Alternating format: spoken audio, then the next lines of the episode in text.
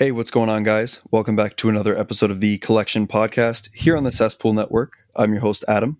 And I'm your host, Diego. And today we are talking about the most recent Off White Nike collaboration shoe, which is the Off White Nike University Blue Air Force One Low. So, just to give a little bit of background on this shoe, it was seen, you know, in various pictures floating around the internet, and then our release was confirmed. There's no set date yet, but it did actually see a shock drop on the Off White web store, which is a little bit unorthodox just because I think mostly just like Off White branded clothing releases on the Off White web store. But to see the Off White Nike shoe release uh, this past Thursday night or Friday morning on the web store was a little bit interesting. But yeah, you know, the shoe's pretty similar to the other Off White Nike Air Force One lows that have released. It has that metallic swoosh that we saw on the MoMA iterations of the Off White Nike Air Force One and it's just got a full university blue colorway. Definitely eye catching, and I actually really like the colorway. But Diego, I'm personally interested in what you think about the shoes and if you think they're you know a good continuation of the off-white Nike relationship. And uh, I just wanted your overall thoughts on them. I guess personally, I, I do like I do like them. I'm not a huge fan on uh, Nike off-whites. I think um they're for a younger crowd, even though some people might disagree. It's just not for me anymore.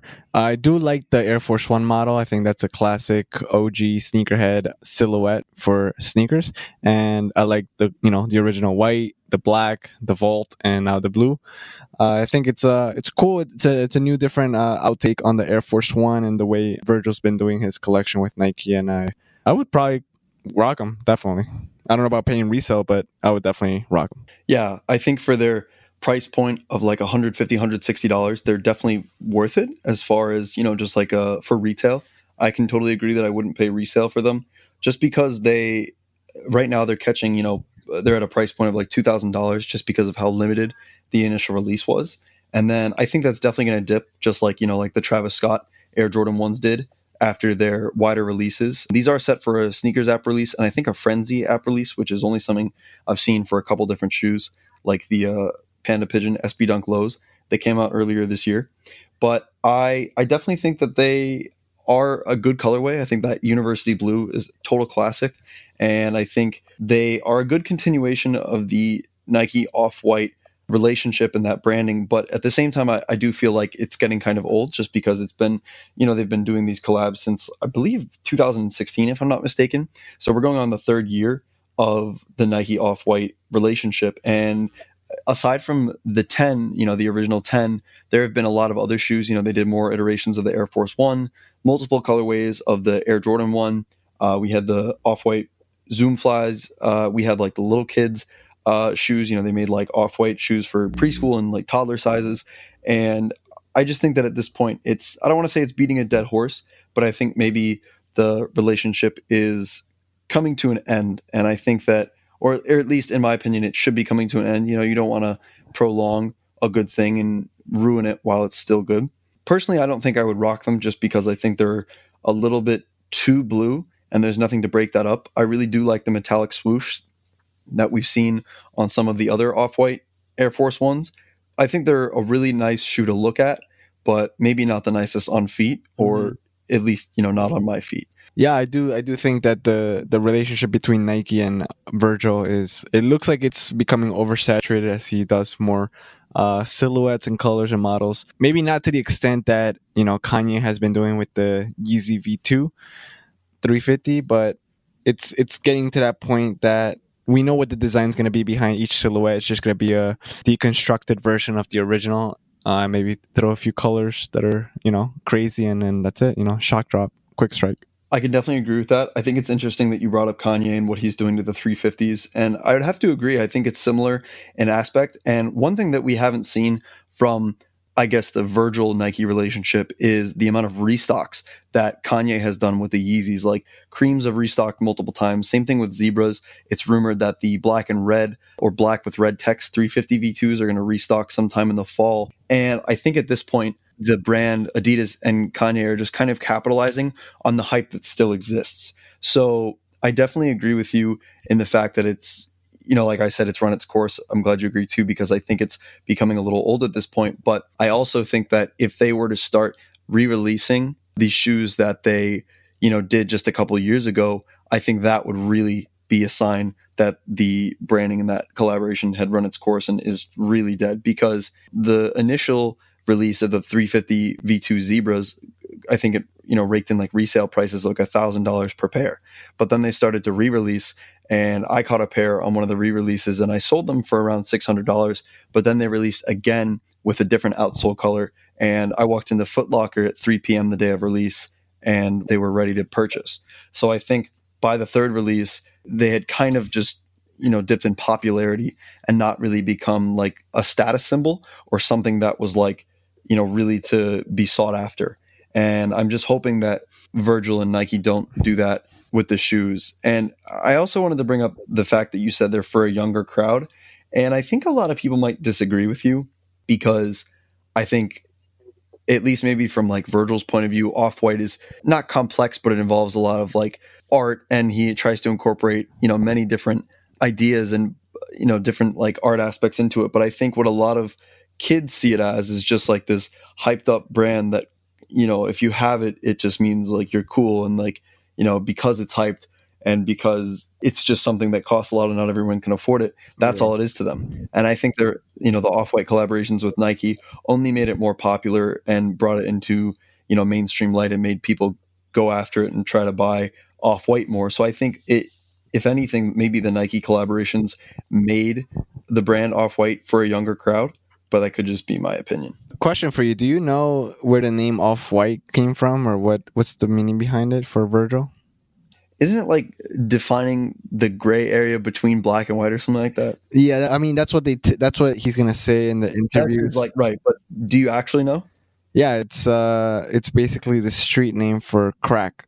Really? Yes, and that's why he named his brand Off White. Yeah. Do you know what was the previous brand that he had? Pyrex. And what do you cook inside of a Pyrex? Cook that Off White.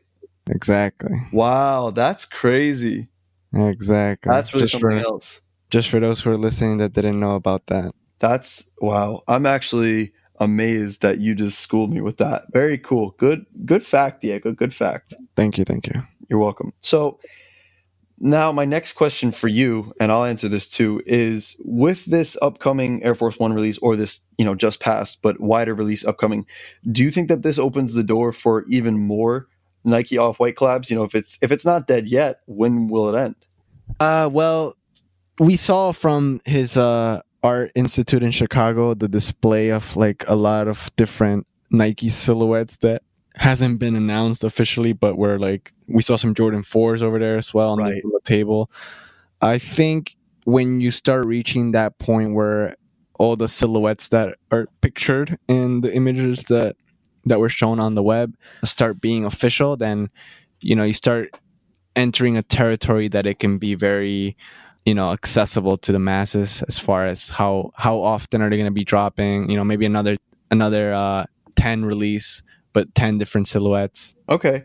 I mean, I personally think that what was displayed at the Museum of Contemporary Art in Chicago, I think maybe those are not failed samples, but just, you know, they were ideas that were brought to life just with a physical sample and then they maybe decided not to move forward with them. So, like the uh the yellow and white off-white Jordan 1 that was displayed there and again with that like beige colored or like, you know, tan and white Jordan 4, I think that both of those were potentials for or they both had potential to be a um, shoe that was made with a you know a wide release or a wider release than just samples but maybe they were just you know not decided on because of the perceived popularity and how the colorways and the, the silhouettes would sell. You know what i mean? Like out of all the jordans that have resale one could think that the jordan 1 has the the best capability of resale and the best capability to sell out and of course being limited to helps but i think that a a yellow jordan 1 would probably sell maybe not as well as an all white or a, a blue and white like the university blue and then in addition to that like a jordan 4 maybe wouldn't sell out quite as quickly or maybe not sell out at all even though it had off-white branding on it you know what i'm saying yes so I think that those might just be samples that were mocked up and you know made like one or a couple of. Maybe they'll never see a production run.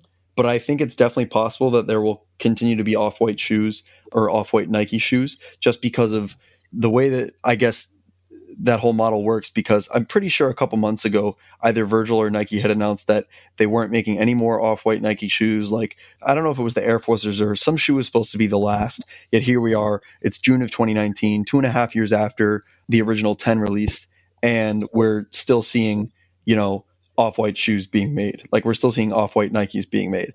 So I think that, you know, it's definitely possible that there will be more in the future, but, you know, who's really to say?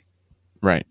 So, what shoe, I guess, that Nike makes would you like to see an off white version of? Or have they done all of them? And do you think they should just stop? Uh, that's a good question. I'm thinking of a shoe that I do like by Nike, but I'm not sure if I want there to be an off white version because that might not only saturate the specific market to that silhouette and cause a lot more problems to the market of other shoes that are already out there. What silhouette is that? I don't want to I don't want to name drop right now cuz I don't know if I wanted to. Just say it. you know what? I'm not going to say the exact but you know, let's just call it the dunks, all right? Let's okay, we know exactly what you're talking about. Okay, Yeah, that's fine. just dunks. I, I, you know, I know Virgil's rocking dunks. You know, so it's speculated that he was going to drop something. But you know, as far as that goes, who knows? I mean, I don't know if I really would want to have an outtake on a classic shoe like that. Right.